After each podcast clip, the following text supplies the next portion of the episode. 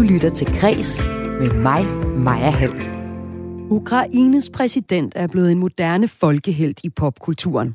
Han og hans kone er for eksempel for nylig blevet portrætteret af en af verdens største fotografer til modemagasinet Vogue. Han er allerede blevet ikoniseret, som den amerikanske pop art kunstner Andy Warhol gjorde det med Kinas Mao Zedong og den ukendte meksikanske fotografs fotografi, fotografi af Che Guevara i 1960'erne, som vi alle sammen nok kender som billedet af øh, Che Guevara. Og halvårsdagen for Ruslands invasion af Ukraine giver os her på Kreds anledning til at se på, hvor stor betydning billedkunsten har for at skabe en folkehent. Det handler det om først her i Kulturmagasinet Kreds. I aften klokken 9, der spiller FC København mod de tyrkiske mestre Trabzonspor, og der er meget på spil. Det drejer sig om kvalifikationen til verdens største fodboldturnering Champions League og 200 millioner kroner i klubkassen, hvis de går videre. Da de to hold trak hinanden i lodtrækningen, der slog en af vores journalister og fodboldentusiaster, Niklas Stein her på Radio 4, en tråd op på Twitter med en analyse af det tyrkiske mesterholds, mesterskabshold og om kulturen omkring det den her besked, den her Twitter-opslag, det nåede ud til rigtig mange tyrkiske fans, og han har fået en sand love storm fra dem. De er begejstrede for, at han fortæller om deres religion og deres, øh, eller deres region og deres kultur, og faktisk så begejstrede, at de har inviteret ham til landet. Han har taget dem på ordet og fløjet derned, og vi skal høre om den tyrkiske fodboldkultur, som er speciel senere i udsendelsen. Jeg vil gerne byde den velkommen til demonstrationen her, hvor jeg skal fortælle dem lidt om anvendelsen af ymer, creme fraise og yoghurt i den daglige husholdning.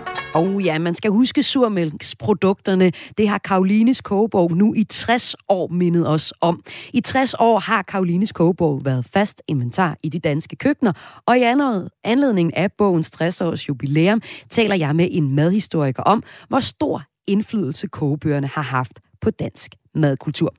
Jeg hedder Maja Hall. Velkommen til Kris. I dag er det altså halvårsdagen for Ruslands invasion af Ukraine. I den vestlige verden er der usædvanlig bred enighed om at se Ukraines præsident som en superhelt, en frihedskæmper, om man vil.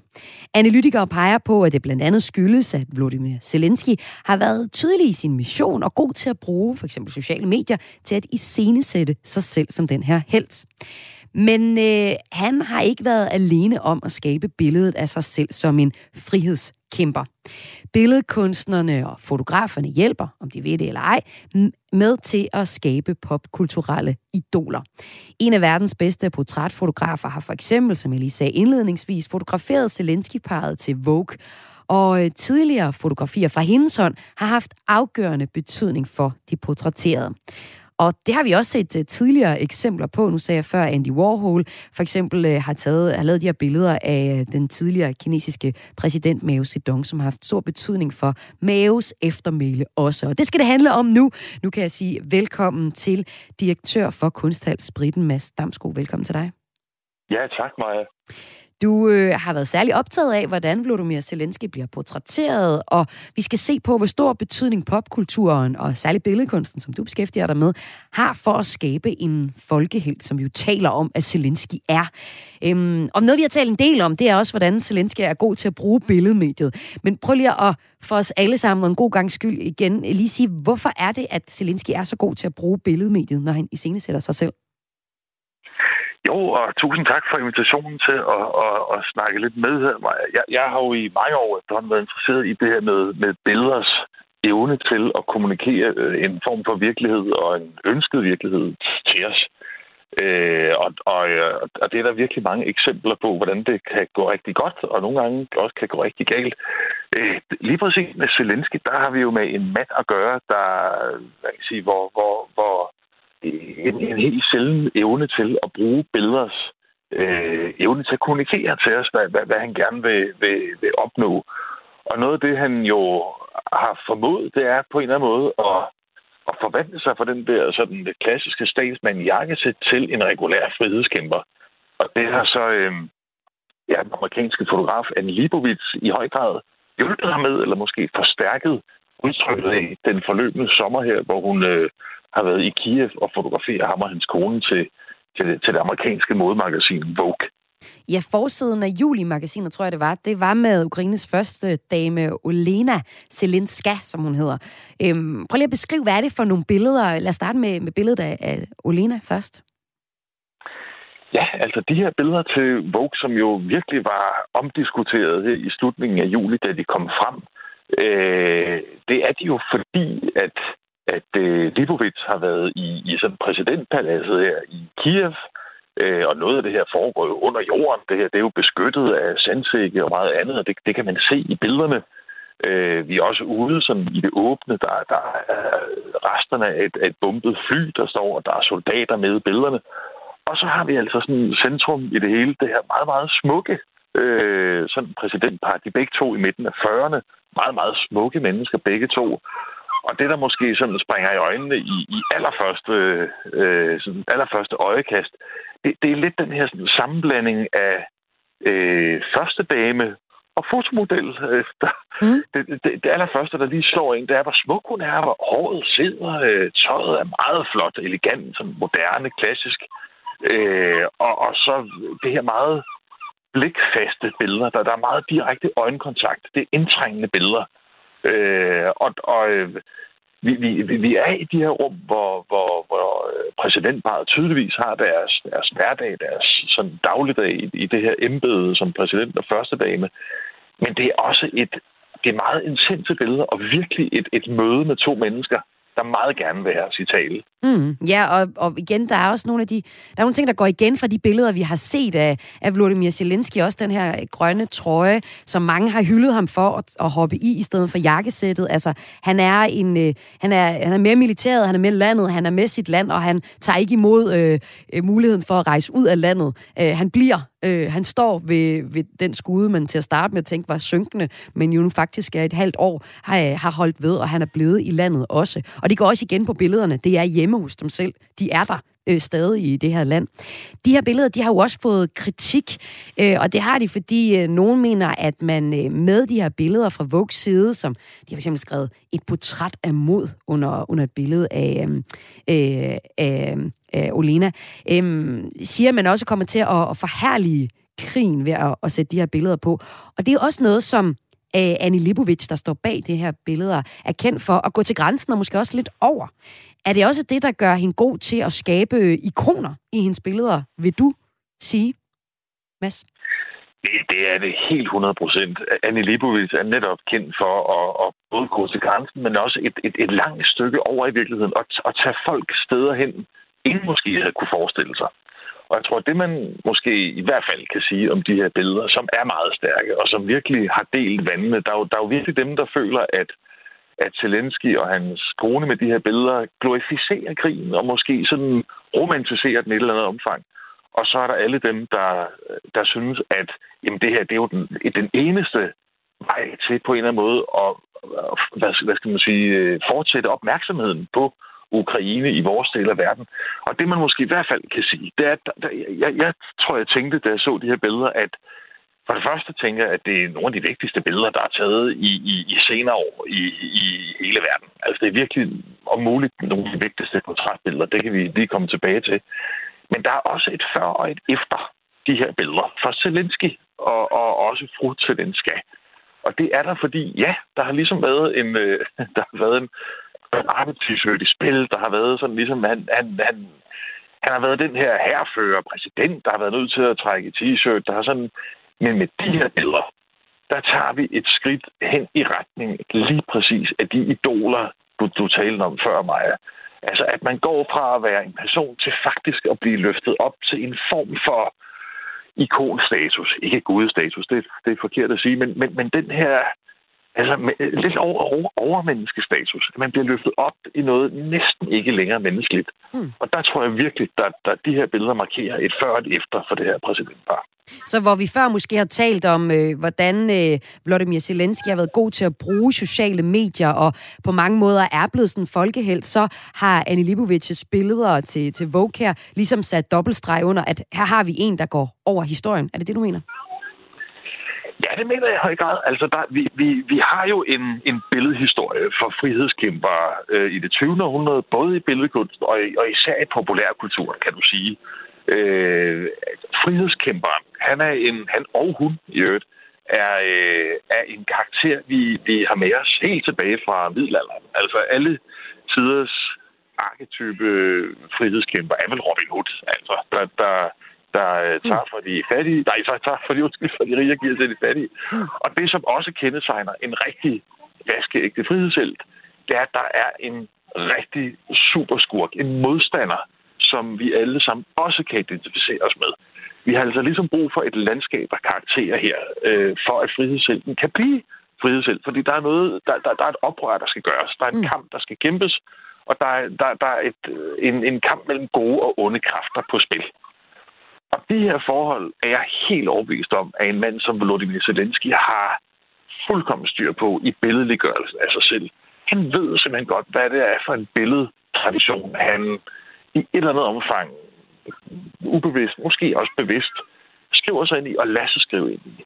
Og der er øh, noget af det, som jeg heller kunne være med at tænke på, da jeg så de her billeder første gang af Zelensky og hans kone, det var, at en af grundene til, at de virker så stærkt, det er også, at vi har en superskurk med i kulissen, som vi også alle sammen kender. Hmm. Og der tror jeg måske, vi øh, mistede øh, Mads Damsbo, som ellers er med, direktør fra kunsthal Spritten, som også måske kæmpede lidt om øh, at komme igennem i forhold til de måger, der også vist var i baggrunden. Men jeg tænker, at vi øh, får hul igennem til Mads Damsbro igen, som jeg altså har med til en snak om, hvordan billedmediet er med til at skabe folkehelten. Og, og og en grund til, at vi taler om det i dag, det er, fordi det er halvårsdagen for Ruslands invasion af Ukraine. Og når vi snakker Ukraine, så taler vi selvfølgelig også om øh, Vladimir Zelensky, som har været god til at skabe øh, et billede af sig selv som øh, folkehelten. Men det vi også taler ned i, det er som en, en fotokunstner, som Annie Libovic har været god til at, at booste det folkeikon, som, som han på en måde er blevet. Og jeg skal høre, Mads Damsbo, har jeg dig stadig med på linjen? Eller har mågerne overtaget uh, telefonerne? Du er der endnu. Der er lidt baggrundsstøj der, hvor du er, men uh, jeg er sikker på, at du kan bevæge dig et sted hen, hvor der larmer lidt mindre. Når vi taler om uh, Annie Lipovic nu, så uh, er det måske en fotograf, der ikke er kendt for så mange, men hun har været med til at tage nogle billeder, som nogle af os måske kender. Og uh, nu bevæger vi os lidt væk fra, fra folkehelten, men måske mere til i hvert fald et, et pop øh, øh, fænomen, et, et popikon, som Arnold Schwarzenegger har jeg lyst til at tale om nu. Der er et billede fra, øh, fra 1988, hun har taget, hvor Arnold Schwarzenegger, det er et sort-hvidt billede, han sidder med bare overkrop på en hest og ryger en øh, cigar. Det her billede vil du også sige, øh, som øh, kender af billedkunsten, at, at det er også et billede, der har været med til at skabe ham som ikon, ligesom billederne Annie Lipovic har taget af Hillary Clinton også. Hvad er det, hun gør med de her billeder, der får dem til at blive ikoner? Ja, det er det absolut i høj grad. Man kan sige, både Arnold Schwarzenegger og Hillary Clinton har måske også været med til at skabe Anne Libovitz. Øh, og sådan er det jo ofte, når, når der er store kunstnere, portrætkunstnere på færre og meget, meget berømte mennesker, så er det jo mødet mellem øh, fotografen og, og, og berømtheden, der, der skaber magien. Øh, men det er rigtigt, hun, hun har jo skabt sig selv et navn op gennem 80'erne øh, som, som fotograf fra det amerikanske magasin Vanity Fair og i senere år her for, for Vogue. Øh, især i det her krydsfelt mellem øh, sportsfolk, skuespillere og politikere. Og det er jo, man kan sige, hvad har det med hinanden at gøre? Men de har jo meget med hinanden at gøre i den her sådan lidt berømthedskultur, vi jo lever i, i, i de her, den her moderne verden, øh, hvor, hvor medier fylder så meget for os, og hvor billeder er så vigtige. Og der, øh, det, det at kunne fremkalde en person, skabe et portræt, der i et billede rummer og fremkalder den person, det, det er virkelig det, som, som Anne Leibovitz øh, aktuelt vil jeg mene er verdens bedste til. Hun er også en meget kritiseret dame. Det, det, det er en anden historie. Det, sådan må det selvfølgelig være. Man kan ikke være elsket af alle. Men, men, men, men, men det står helt klart tilbage, at hun har taget nogle af de allermest ikoniske billeder sådan af det sene øh, eller de seneste sådan, 3-4 årtier øh, af, af både berømtheder og politikere og øh, hun står på skuldrene af mange andre billedkunstnere. Nu øh, bruger hun så fotografet som medie. Det gjorde Andy Warhol, den amerikanske popart-kunstner, jo til dels også, når han arbejdede med sit, øh, sit, de, øh, de billeder, som han lavede, men det var altså billedkunst, mere traditionel billedkunst, han lavede. Og her taler vi også om ikoner. Han kunne godt lide at tage popkulturelle fænomener, og så trække ikonet frem i dem, altså gøre det helt tydeligt, når man ser et af hans billeder, så ved man med det samme, hvis man har set et billede af Mave, at det er Mave, vi har med at gøre her. Så hun står ligesom på skuldrene af det også. De her øh, ikonificerede billeder, øh, som billedkunstnerne laver, øh, vil du også, og det er bare afslutningsvis, med Damsbo, sige, at billederne fotografierne nogle gange går over historierne, og også over de faktiske historier.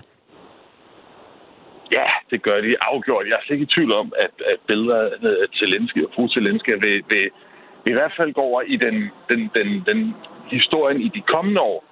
Hvorvidt de sådan står tilbage for evigheden, der, der er jo noget med det rene ansigt. Noget af det, som Warhol forstod, det var, at det er sådan rene, uforstyrrede ansigt, næsten som vi kender det sådan fra, fra renaissancens fyrsteportrætter osv., at det, det, det er det, der ligesom har sådan evighedens vingesus over sig. Men jeg er slet ikke i tvivl om, at Libovic billeder af Talenske her, de vil følge os i mange år frem. Så lød det her fra direktør for Kunsthals Britten, Mads Damsbo. Tak fordi du var med her i Græs. Selv sagt. Om øh, ikke så længe, så skal det handle om vores øh, madkultur, fordi det i dag er øh, 60-året for Karolines køkkens kogebøger. Og inde på Radio 4's hjemmeside har vi spurgt øh, jer lyttere, hvilke opskrifter fra Karolines køkken I er særligt glade for. Noget, der går igen, det er sådan noget som enebærgryde, som jeg aldrig har hørt om, men ellers en god klassiker som øh, tunmus, og også øh, mørbræden er nogle af de øh, opskrifter, som I fremhæver som de bedste. I kan stadig skrive derinde, og i slutningen af udsendelsen, der ser vi altså nærmere på vores madkultur gennem de sidste 60 år. Men nu skal det handle ikke om madkultur, men om fodboldkultur. Du lytter til Græs med mig, Maja Hall. Og med mig har jeg nu journalist hos Radio 4 og tyrkisk fodboldentusiast, har jeg også lyst til at kalde dig, Niklas Stein. Velkommen til. Yes, tak. og øh, Niklas, du har en helt særlig historie, du skal fortælle os. Og øh, anledningen, det er en øh, fodboldkamp, der er i aften med FCK og med det tyrkiske øh, hold øh, Trabzonspor. Men øh, hele grunden til, at vi taler med dig lige nu, det er jo fordi, du faktisk ikke er i Danmark, men øh, du er smuttet til Tyrkiet. Hvorfor er du der lige nu, Niklas? ja, altså det skal, vi skal i virkeligheden starte sådan helt, helt fra starten. Og det, det er jo, at, at, at jeg, har, jeg har tyrkisk familie. Jeg har, jeg har giftet mig ind i en, øh, en tyrkisk øh, familie. Min kone er halv tyrker. Øh, så, så, så der er ligesom kommet noget, og jeg har selvfølgelig altid interesseret mig for fodbold. Så den, den del af det er ligesom kommet øh, meget naturligt. Øh, jeg har haft en interesse for tyrkisk fodbold i en del år, og øh, det brugte jeg jo så som afsæt til at skrive ud på det sociale medie Twitter her øh, for nogle uger siden, da FC København, de trak øh, den tyrkiske klub Trabzonspor i Champions League-kvalifikationen, altså, altså over to kampe om at komme direkte i Champions League, som er øh, øh, Europas største klubturnering. Øh, så jeg skrev lidt om, hvad jeg vidste om, om Trabzonspor, og det tror jeg, hvis man kan sige, var lidt mere populært, end jeg i hvert fald havde regnet med, men ikke blandt danske fodboldtænkninger, fordi øh, den her lille Twitter-tråd, den blev, den blev over, øh, overdynget med alle mulige tilkendegivelser fra tyrker, og primært folk, der bor her i Trabzon. Øh, jeg tror, den endte med at få et sted mellem 10 og 20.000 øh, øh, beskeder og likes og retweets og alt sammen, hvad det hedder. Og jeg fik øh, beskeder på min telefon, øh, både på Twitter og på sms og alt muligt, af folk, der ville have mig ned og spise med mig og give mig ting og alt muligt. Det var, det var meget, meget overvældende. Øhm, og da, da, da, da vores, altså din og min chef, øh, øh, hørte det, Maja, der øh, sagde, sagde hun så, skal, skal vi ikke have dig derned? Og så siger jeg, jo, det kunne da godt være, øh, vi skulle det. Så, øh, så det er sådan set øh, hele fortællingen, øh, udover at det selvfølgelig er en enorm stor fodboldkamp for, for dansk fodbold generelt, det er det også. Men det her det er sådan en fortælling af, af hvordan jeg egentlig endte øh, hernede i Trapsund, hvor jeg sidder lige nu. Ja, hvad er det, der er på spil for den kamp, der spiller klokken øh, 21 i aften? Der er, øh, det kan egentlig fortælles på to måder. Der er sådan det helt konkrete, og det, det er rigtig mange penge. Øh, 200 millioner kroner øh, får en fodboldklub for at komme med i Champions League-gruppespillet, sådan, hvis man puljer det hele sammen i forhold til præmiepenge og tv-rettigheder og alt, hvad der, hvad der følger med, og det er rigtig mange penge for, øh, for, for stort set alle fodboldklubber, især for en, for en fodboldklub som FC København, øh, også for en klub som Trabzonspor, som de skal, ned, de skal møde hernede. Så, så, så, så alene ud for det monetære, det er en kæmpe stor fodboldkamp, og så kommer der alt det her, øh, der også følger med, når man snakker fodbold, altså selvforståelse. FC København vil gerne være øh, hele Danmarks fodboldlokomotiv. Det gør man bedst, hvis man kan repræsentere øh, Danmark ud i en klubturnering som, som, øh, som Champions League. Og omvendt øh, hos det tyrkiske hold, så er der også rigtig meget selvforståelse på spil, øh, fordi de, øh, de, de har vundet mesterskabet første gang i mange år, og er virkelig stolte af deres klub, og den her stolthed kan så også bedst føres ud, øh, når, man, når man er ude og repræsentere både sit land og sin by i, øh, i en... Øh, i, øh, i en turnering som Champions League. Så, så, så der er rigtig mange penge på spil, og rigtig meget selvforståelse på spil. Ja, og lad os tage fat i den selvforståelse, for den kommer jo til udtryk i kulturen. Bare sådan lige inden vi dykker mere ned i øh, det tyske hold Trabzonspors øh, kultur. Så hvad vil du sådan sige, der er sådan, at går igen i, i deres øh, forhold til, til fodbold? I Tyrkiet og i den her... Ja. Det er i virkelig... Ja, selvfølgelig. Altså det, det er jo egentlig, at øh, altså det, det er egentlig meget det samme i Trabzon, som, som i resten af Tyrkiet. Øh, nemlig at, at fodbold fylder bare helt ekstremt meget. Helt ned på noget så banalt som, som øh, gadebilledet. Altså, når jeg går rundt dernede, så hænger der øh, Trapsonsborg-flag, altså Trapsonsborg-logo, og der er Trapsonsborg-graffiti over det hele, og op i lygtepæle, og på øh, eltavler, og øh, over det hele. Altså, det, det fylder meget ud af vinduerne, alt sådan nogle ting. Øh, men, men når man snakker med folk hernede, så, så er det også bare tydeligt, at det bare fylder enormt meget. Og det, det er noget, når folk de hører, at jeg interesserer mig for tyrkisk fodbold, så det er virkelig noget, jeg, jeg tit bliver spurgt om. Det er sådan, den her tyrkisk, eller den her kliché med, med tyrkisk fodbold, og den her enorme passion, hvorfor går de så meget op i det? Og det har, det har egentlig altid været svært for mig sådan at forklare, fordi vi kender bare ikke vi kender det bare ikke på samme måde øh, derhjemme. Øhm, og når man, når man spørger tyrkerne, så er de egentlig også øh, svært ved, at, ved, at, ved at, sådan at udtrykke det med ord. Men, men det ender de, alligevel, de ender så på en eller anden måde med at udtrykke det på en anden måde, fordi de bare hele tiden bliver ved med at hæfte sig ved øh, det her fodbold, og hvor stolte de er af deres klub, og også i måden, de sådan gerne vil fortælle om det på. Jeg, jeg kommer lige ned fra, fra, fra Trapsons centrum, hvor jeg har siddet der og drukket den, den, den traditionelle chai med nogle lokale tyrker, Eh, øh, både nogen, der er fløjet ind fra, fra, fra Canada og fra Istanbul, og også nogen, der bor her i forvejen. Og, og uanset hvad jeg spørger dem om, nogle gange så, så har jeg også, jeg har også for eksempel spurgt dem om, selvfølgelig om Trabzonspor, men også sådan generelt i Tyrkiet. Hvorfor går I så meget op i fodbold? Og det, de ender med at snakke om, det er Trabzonspor øh, her, for det er det, de gerne vil snakke om, og det er tydeligvis det, der bare ligger dem så sindssygt meget på sinde. Øh, så, så, så, så det er sådan en, det, det, det, det lyder hurtigt som en kliché, men, men det passer virkelig, at, at fodbold bare er jamen, et og alt for dem hernede, på en eller anden måde. Men det kan jo så også sådan man sige, øh, Niklas Stein, at det, det er det vel også for, for danskerne. Altså FCK, det er da en klub, der er kendt for at have et super lojalt, øh, en super lojalt fanskare. Altså, hvordan vil du sammenligne øh, tyrkernes forhold til Trabzonspor med, med danskernes forhold til FCK? Det, det er rigtigt nok, at vi, vi er i og for sig også et fodboldland i, i, i Danmark, men igen så vender det sig lidt mod den her, nu er jeg ikke sociolog, skal det siges, men, men, men jeg har dog alligevel fulgt det her så meget, så lang tid, at jeg, at jeg føler, at jeg godt kan sige, at, at, at, at det vender sig imod den her anden kliché med, at vi i Danmark er meget øh, reserveret, og, og, og Danmark kontra Tyrkiet, eller danskere kontra tyrkere er jo sådan meget, øh, hvad kan man sige, koldblod kontra varmblodet. Øh, følelserne er mere ude på tøjet herude, så derfor ser man det i hvert fald mere. Det kommer mere til udtryk, som sagt, øh, i gadebilledet. Det, det synes jeg ikke, man ser øh, derhjemme. Jo, når jeg kører på arbejde i, i Aarhus, så ser jeg, at nede ved Strandboulevarden, der hænger et AGF-flag øh, ud af en eller anden lejlighed, men det er, sådan, det, det er så også det, og, og der, der er lidt længere mellem snapsen i Danmark i forhold til, hvis man skal falde i snak med en tilfældig person på gaden om, øh, om fodbold. Jeg synes ikke rigtigt, at jeg snak, falder i tilfældig snak med nogle personer på gaden i, i, i Danmark for så vidt. Men, men det gør du altså bare her i, her i Tyrkiet. Og for at vende tilbage til den oplevelse, jeg lige har haft nede i byen, jamen så, så, så altså, det kommer også over nogle gange, eller ikke kommer over, men, men, men det, det eskalerer. Altså, jeg, jeg sidder og snakker med, med en gut, der hedder Onur, som, øh, som jeg faktisk havde en aftale med, eller har skrevet lidt med øh, på, på baggrund af den Twitter-tråd, jeg nævnte øh, tidligere. Han, det er så ham, der kommer fra Canada.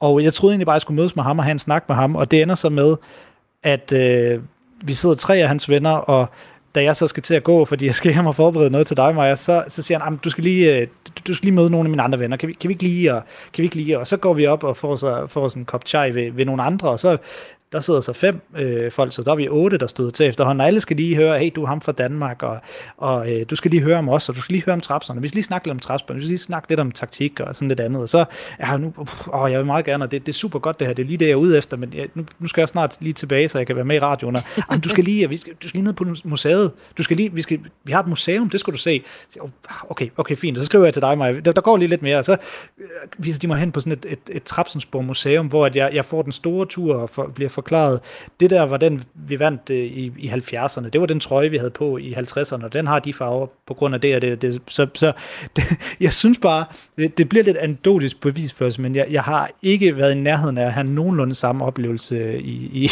i Danmark. Og du har så også fået noget med, med til os, som vi kan høre, som, øh, som bevis på, at du har været ude og snakke med nogle af de tyr- tyrkiske fans. Hvad er det, vi lige skal prøve at høre et klip med nu? Det, det første klip, vi kan høre her, det er, øh, det er en, der hedder øh, Saber. Nu kaldte jeg ham Ono øh, øh, bag, lige før. Det, det var faktisk ikke en, der hedder Saber. Det var en anden, der hedder Ono. Du kan godt høre, jeg, jeg har mødt en masse mennesker, jeg er lidt forvirret. Men han, øh, han fortæller om, øh, der spørger ham nemlig om, hvad, hvad det er, fodbold betyder for personer i, øh, i Trabzon øh, specifikt. Og, øh, og det, det tænker jeg, det vi lige kan høre her. Saber, I just want to ask you, um, can you just tell me a little bit about your relationship to to yeah. to, to Trabzon? Because I know you live in in Toronto, Toronto in yeah. Canada. Yeah. So what's your relation to, to Trabzon?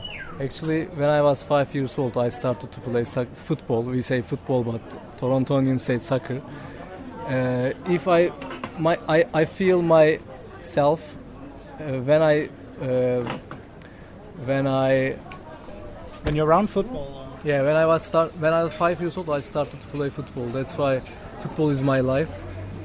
When I feeling to, with football, I, I was very happy because when you play, when you support, you feel everything. That's why Trabzonspor is the life of Trabzon people. We have passion, we have excited for team. That's why we are so happy with support Trabzonspor. But did you grow up in Trabzon? Actually, I, I, I was born in Istanbul, but my father was born in Trabzon but we always visit visited to Trabzon and we always come here. That's why we uh, always support Trabzonspor. So, how big of a game is the match against FC Copenhagen tonight for you for Trabzonspor? Yeah, it's so important for us because like Champions League is very significant uh, place in Europe. I hope we will win the game and we will be in the Champions League. Og hvad var det, vi hørte her, Niklas Stein? Jamen, der spørger jeg jo netop, øh, jeg spørger jo egentlig Saber her, hvad, hvad hans relation er til Trapson, siden han, han har taget til øh, fra Canada i, øh, i forbindelse med kampen i aften, og han er oprindelig, fortæller han, fra, øh, fra Istanbul, og så, så går han jo ind i øh, det her med, at, at øh, Jamen, fodbold er mit liv, øh, siger han, og for, øh, for folk i Trapson, der er Trapsonspor øh, bare øh, deres liv.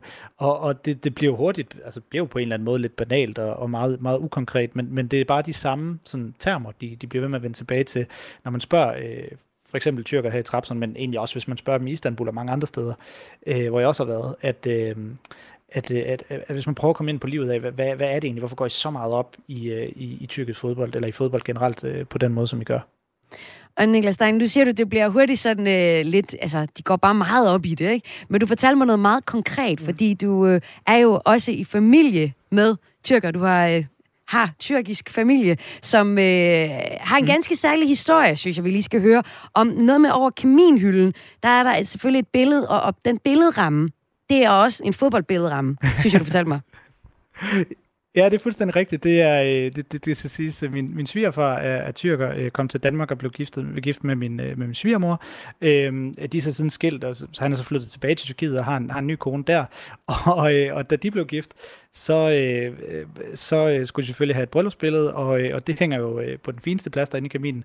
Og billedrammen, det er så sådan en, et, det er hans lokale fodboldhold, det han holder med rundt omkring det. Det, er, det, det kan nærmest være, ja, øh, jeg ved, jeg ved ikke, hvordan det er æstetisk, men, øh, men det er i hvert fald ekstremt passioneret. Øh, så den klub fylder enormt meget. Det, det gør den over, over alt derhjemme. Han har også alt muligt andet fra, øh, fra hvad hedder det, brylluppet hængende rundt omkring med, med, med fodboldholdets logo på. Så, så det er bare noget, altså, de holder ikke fri på noget tidspunkt, når det handler om den her øh, passion øh, på, på, på, på den måde. Og det er måske også meget sigende for, hvordan fodboldkulturen øh, sådan gennemsyrer sådan hele livet. Og nu er anledningen så, at vi kigger ned og ser på øh, øh, holdet Trapson. Et hold, som du har skrevet om øh, på Twitter og modtaget lidt af en love storm om, er blevet inviteret til Tyrkiet, er der lige nu, og du er altså med her i Kulturmagasinet Kreds lige nu til at tale øh, om det. Du har øh, fortalt lidt om, hvad der ligesom er på spil i aften, men vi skal også prøve at se lidt mere på, hvad der er på spil i den her klub. Altså, øh, det betyder meget for folkene, kunne vi jo høre her, men øh, der er også noget, noget, noget kultur, der er knyttet til den her klubs identitet. Der er blandt andet nogle folkedanse. Kan du prøve at fortælle om, hvad det er, hvad det er for nogle kulturting, der, der knytter sig til Trapson-holdet? Ja, jeg, ja, jeg tror i virkeligheden også, at det var derfor, at den tråd på Twitter, der, den tekst, den stak så utrolig meget af, og, og, og, og modtog så meget positiv øh, tilbagemelding hernede fra, fordi i forhold til den klub, som FC København skal møde i aften, og den by, så er der er ekstremt meget at fortælle, hvad angår, hvordan kulturen er vævet ind i, i hinanden. Der er det her, som du selv nævner, de har hernede de her to lokale danse. Den ene hedder Kolbasti, og den anden hedder Horon. Øhm, som, øh, som, som, som de går meget op i, og faktisk går så meget op i, at selv de helt unge tyrkiske som drenge, øh, som så har, er vokset op igennem fodboldklubbens akademi, og som så er blevet en del af, af holdet i dag, jamen de kan godt finde på, selvom de er to, 23 år, og selvom man tænker herhjemme, åh, det er gamle traditioner, det er måske ikke noget, de unge går så meget op i, jamen selvom de her gutter er 2-23 år, jamen, så kan de godt finde på at bryde ud i en af de her to folkedanse inde på midtercirklen af fodboldbanen, øh, efter at de har, øh, de, har, de har vundet en kamp. Øh, og, og lige præcis, at jeg jeg har nævnt sådan noget her i, i min tekst, er noget, det har fået allermest positive tilbagemeldinger på, fordi også øh, tyrkerne, i hvert fald folk fra Trabzon, enormt stolte af deres kultur og det område, de kommer fra osv., og på den måde så det også enormt stor pris på, hvis man som jeg da selv vurderer, jeg lige har gjort i det her tilfælde, mm. prøver øh, at sætte sig ind i. Øhm, og, det og lad os lige høre lidt af musikken måske. Identitet. Også. Øh, den musik, ja, som gerne. du nævner her, det er øh, altså en af de populære folkedanse i Trapsom-området, som altså er området, der lægger navn til den her fodboldklub, som vi taler om her i, Kreds i dag. Her er det øh, kunstneren Alting Gun. Vi hører bare en lille smule af det her. hører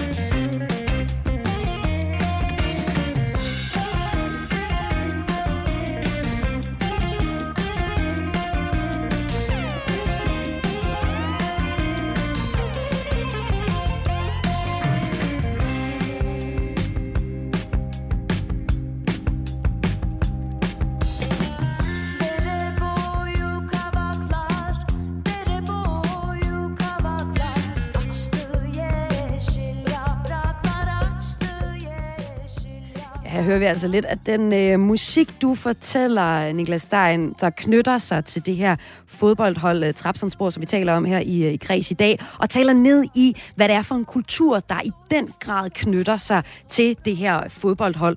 Du har været ude og tale med nogle af, af fansene, og vi skal høre et klip mere. Hvad skal vi høre nu? Vi skal høre øh, et klip, hvor jeg beder en af Sabers øh, venner om at uddybe forskellen mellem Trapson og Istanbul, for det, det, det i, i min snakker med nogle af de her Trapson-personer, øh, så, øh, så, så det er noget, der går meget igen, at de, de sådan hæfter sig meget ved, at Trapson er en anden by end Istanbul, og, og, og der er en stor forskel. Øh, så det spurgte jeg ham lidt ind til, det er det, han øh, forklarer her. Her şey diyecektim yani Trabzonspor sanayi, Trabzon sanayi şehri değil, zengin şehir değil, fakir şehir. Ee, endüstri, ha, aynen endüstri. Continue. Uh, Trabzon is a not industry. Istanbul is industry city uh, because Trabzon uh, is uh, very hard uh, problems in Turkey. Uh, not money, not industry, not working, but uh, Trabzonspor uh, this city people uh, çeviremiyorum oraya sen çevir. They have budget more. They have budget more than Trabzonspor. We don't have lots of money, but we have passion better than theirs. That's why this is our life. Trabzonspor is our heart of the city. That's why we always support Trabzonspor. So we are very proud yeah, of the club. We are, we are, when we say I support Trabzonspor, we are proud of our team, and also when we say I'm from Trabzon, we are proud of the city. Og hvad er det, vi hører Sapper fortælle øh, her, Niklas? Jamen, det er, det, det er virkelig den første, hans, hans ven, øh, Fatih, som, som egentlig har sagt til mig, at han ikke kunne snakke engelsk. Det er derfor, han starter i, i, øh, i tyrkisk. Men han, han går så alligevel lidt over i at fortælle, at, at, at, øh, at uh, Trabzon jo er den her nødeindustri. Øh, og det skal forstås helt bogstaveligt. De har, de har øh, bygget meget deres industri på, på hasselnødder. Øh, hvorimod, at, at Istanbul er sådan mere øh, industribyby. eller hvad hedder sådan, industri-industriby. øh, altså en større økonomisk øh, kraft, og det, det har man aldrig rigtig været i Trabzon. Det er også noget, man bruger meget som identitetsmarkør hernede, at, at øh, man altså har det lidt mere hårdt. Man ligger øh, langs øh, bjergene, og faktisk så, så er det sådan lidt en meget klar dag i Tyrkiet, eller i Trapsen der, det skal jeg ellers øh, normalt aldrig klage over, men, men det er lidt ærgerligt over, fordi Trapsen er sådan kendt for sådan meget tæt tog, der ligger så op øh, langs, øh, langs øh, bjergkæden, som den er omgivet af.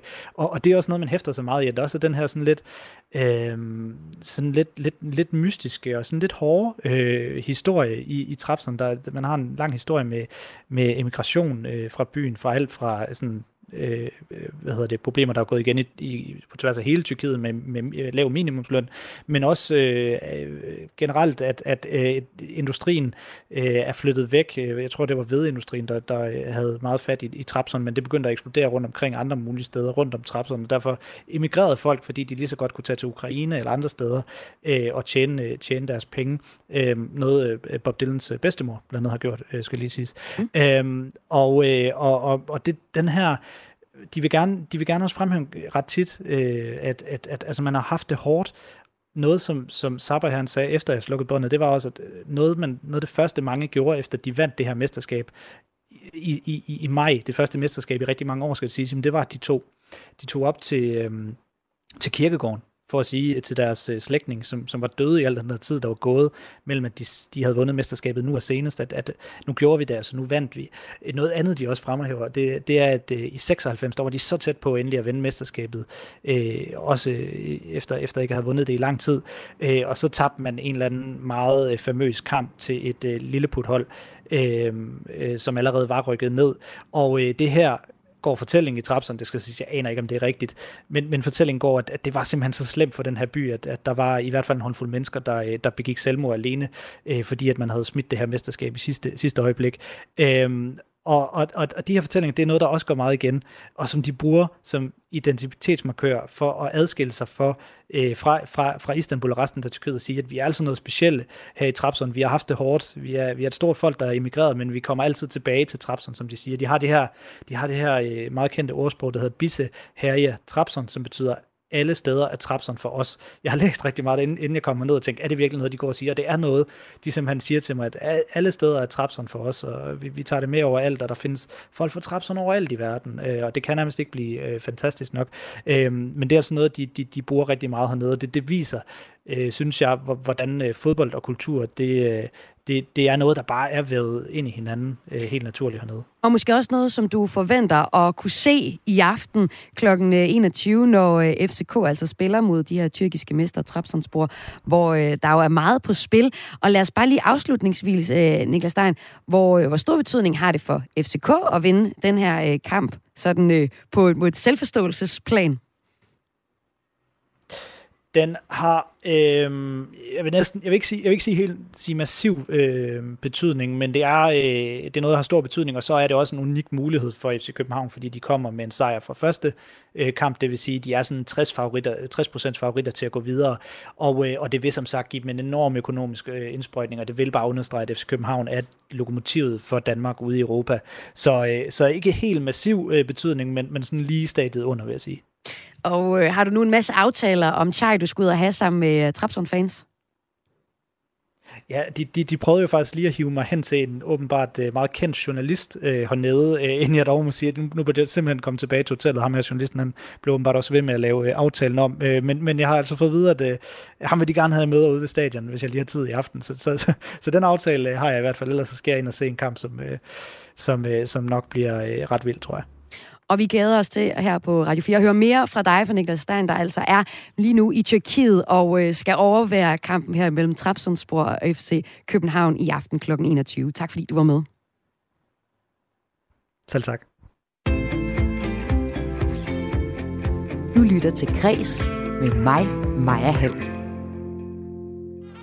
Jeg vil gerne byde den velkommen til demonstrationen her, hvor jeg skal fortælle dem lidt om anvendelsen af ymer, creme fraise og yoghurt i den daglige husholdning. Ja, i den daglige husholdning, der skal man huske mælken og surmælksprodukterne. De danske mejerier har alle dage været gode til at inspirere os til at bruge deres produkter. Her var det et gammelt klip, øh, som vi har fra Karoline Køkkens YouTube-kanal, som opfordrer til at bruge flere surmælksprodukter i den daglige husholdning, som der bliver sagt. I dag Lige præcis i dag, der, eller ikke lige præcis i dag, men i år, der fylder kogebogen Karolines Køkken 60 år. I dag er der fødselsdagsreception for den her kogebog. En bog, som øh, skal inspirere danskerne til at bruge flere mejeriprodukter. Og en bog, der har været en bravende succes. Det er lykkes for mejeristerne at få os til at tænke, åh, vi skal huske smøret og mælken, når vi nu skal ud og handle ind til aftensmaden. Det mener min næste gæst her i Kulturmagasinet Kreds med historiker og museumsinspektør på Det Grønne Museum. Bettina Bull, velkommen til dig. Tusind tak. Og lad os lige tage historien først, før vi ser, hvor stor betydning Karolines køkkenkogebøgerne har haft. Altså, det blev oprettet af de danske mejeriforeningers fællesorganisation, der i dag hedder Mejeriforening, for at udvikle madopskrifter, og i dag så er de så ejet af Arla Foods. Hvorfor startede de danske mejeriforeningers fællesorganisation Karolines Køkken der tilbage i 62? Ja, men det skyldes jo, at øh, vi dengang øh, havde et, det kaldte man det, et smørbjerg og et flæskebjerg. Det var sådan, at... Det lyder lækkert. Øh, ja, det, det, det var, vi, vi, vi havde jo igen øh, længere tid øh, leveret rigtig gode mejeriprodukter, og i øvrigt også flæskesider til englænderne. Det havde vi siden øh, slutningen af 1800-tallet. Øh, og øh, i her i, øh, i øh, omkring ja, igen slutningen af 1950'erne, der siger englænderne til, til danskerne på at høre, vi har ikke brug for, for jeres mejeriprodukter eller flæskesider så meget, som vi har haft. Vi, øh, vi tyr til, til, til det indlands. Og derfor så stod man jo altså som sagt med, med, med de her produkter her, som så skulle afsættes på det indlandske marked. Og der opretter man altså så to reklamekampagner. Den ene kommer til at hedde Gris på Gaften, som de fleste lytter måske kan huske. Den kom i, i 57, og i 58 faktisk i øh, februar 1958, der bliver der en rød og hvidternet ko, øh, stofko, øh, præsenteret øh, i Tivoli af daværende statsminister H.C. Hansen, øh, og den kom til at hedde Karolinekoen. I øvrigt en reklamekampagne og en reklameko, som blev øh, opfundet af, af en aarhusiansk reklametegner, Grete Richt. Og så øh, får vi, bliver altså introduceret til øh, Karolines kogebog. Og du mener jo så, at de her kogebøger har haft stor betydning for madlavning og madhistorien i, i Danmark. Hvordan er det, du ser det? Altså for det første skal man jo huske, at mejeriprodukter hører til i den selvforsynende husholdning. Det vil sige brugen af mælk til ikke, man drak det ikke i gamle dage, man brugte det i forskellige typer mælkeretter, som mere eller mindre er gået i glemmebogen, øh, og til smør og til ost. Det hører til den selvforsynende husholdning. Øh, det var madmors stolthed i gamle dage. Og da vi så får øh, mejerierne, bliver de jo af en god kvalitet, og jo egentlig bygger videre på de traditioner, som, som den selvforsynende husholdning bød ind med. Øh, og, og, og det, der så øh, opstår her med Karolines køkken, som jo altså så har 60 års jubilæum, det vil sige, at vi er i begyndelsen af 60'erne, hvor Karoline øh, køkken, øh, hvad skal man sige, opfinder det første forsøg køkken i Danmark, fordi de her produkter, som vi talte om tidligere, de skulle altså afsættes til, til det indlandske marked. Og det betød altså, at man på de bedste butiksdage, øh, torsdag og fredag, der kunne man altså møde Karoline-pigerne og Karolines produkter, og altså også gode serveringsforslag til, hvordan man nu kunne bruge de her produkter. Og for at svare på dit spørgsmål, mm. så grund til, at de er så populære, det er altså fordi, de har fulgt med siden 60'erne. Og der er sket rigtig meget i dansk madkultur i den periode. Altså starter vi sådan helt fra scratch på en meget hurtig madhistorisk rejse her med Karoline, jamen så handler det om, at vi i 60'erne, øh, apropos vores diskussion omkring spis, øh, havde råd til og mulighed for at rejse udenlands, øh, og blev altså inspireret af fremmed himmelstrøg, hvor jo altså øh, de her mejeriprodukter jo altså også fyldte noget, altså gode oste blev lige pludselig suppleret med, med, med en god tår, tår rødvin, øh, lidt natmad eller øh, en, en dessert. Øh, vi fik øh, mor ud på arbejdsmarkedet. Det skulle gå stærkt på, øh, med madlavningen derhjemme. Vi droppede lidt kartoflen, den skulle skraldes og pilles og så videre, og ty til, øh, til pastaen. Også her fulgte man med med gode smelteoste. Vi har salater, øh, hvor jo altså creme fraichen kom ind og, og gjorde en forskel, og så videre, og så videre, og så videre. Vi har altså, Karolines køkken har fulgt med øh, hele Jeg forstår, at de har fulgt med, Bettina Bull, men hvordan var det, de ligesom... Øh, altså, nu, nu, nu siger du, at de blev præsenteret meget fancy i uh, den her Karoline Ko uh, i Tivoli af uh, den daværende statsminister, men altså, hvordan var det, at danskerne bare sagde, ja, det vil jeg gerne have? Altså, det var, også, det var også ren reklame for mejerierne. Jamen altså for det første, de fulgte jo med. Altså de gjorde det nemmere for danskerne at, øh, at følge med i, øh, i, i mode, i, hmm. i madmoden. Hvis man Og der var måske det. ikke så mange andre kogebøger. Ja, for det første var der ikke så mange kogebøger, for det andet så havde vi slet ikke den her mulighed for at google, øh, eller lige ty til uh, YouTube, hvis man ikke lige vidste, hvordan man skulle legere en sovs. De var simpelthen øh, så pædagogiske, at de formulerede deres opskrifter i øjenhøjde. Langt hen ad vejen var det også råvarer, som vi egentlig kendte, og som vi måske også havde i køleskabet, men som man egentlig bare skulle bruge på en lidt anderledes måde. Så på den måde kan man sige, at de var pædagogiske, og så, så holdt de sig også rimelig meget til øh, råvarer, som, som danskerne øh, havde kendt i generationer.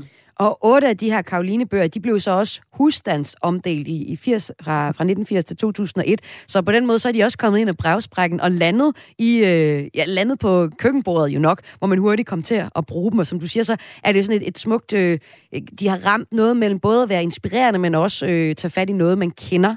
Vi har her på Radio 4 lavet et Facebook-opslag, hvor vi har spurgt øh, jeg lytter, hvad jeres favoritter af Karolines øh, kogebøgers bøg, øh, opskrifter er.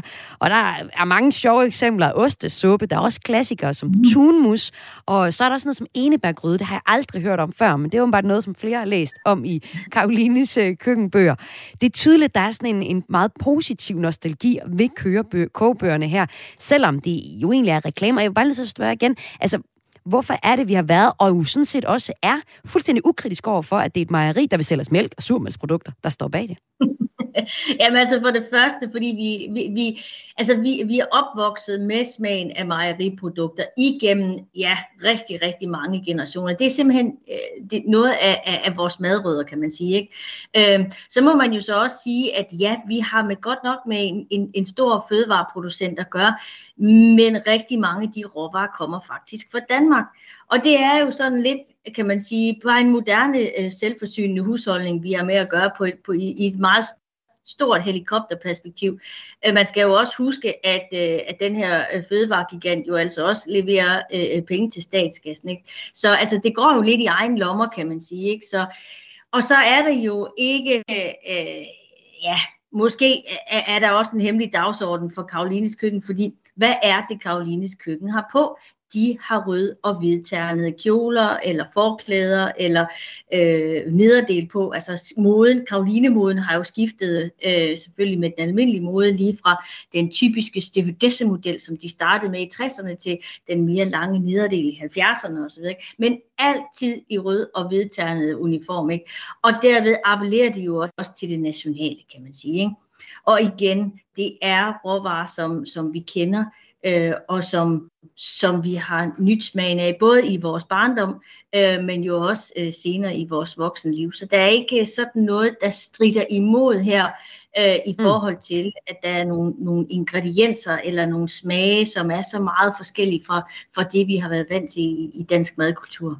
Og hvis vi kigger lidt på de retter, man kan finde i de her bøger, så har Karoline Skovbog introduceret mange populære opskrifter til Danmark, for eksempel tunmussen i 1980'er-udgaven, i 72-udgaven, der kunne man se øh, rejekocktailen, og så har øh, de her kogebøger også været med til at sætte skub i creme i Danmark. I 2008, mm, der holdt Karolines Køkken en afstemning om de mest populære ret, og øh, her vandt den indbagte mørbra fra Thor 70 kogebogen. Og det var også den indbagte mørbra, der blev fremhævet, da min kollega Morten Nørrebro inden udsendelsen var på gaden for at spørge danskerne, hvordan de, hvilke opskrifter de særligt kender fra Karolines kogebog. Ja, det gør jeg i hvert fald. Lige fra starten Det gør jeg. Vi bruger stadigvæk rigtig, rigtig meget. Er der en opskrift, du kan huske fra Karolines Kobo? Det kan være hvilken som helst en af eksemplarerne. Ja, vi har jo alle sammen lavet indbagt mørbra. Det har vi lavet alle sammen jo. Og ellers, så, jamen, jeg bruger den hele tiden. Det gør jeg bare. Kender I Karolines kogebog? Ja.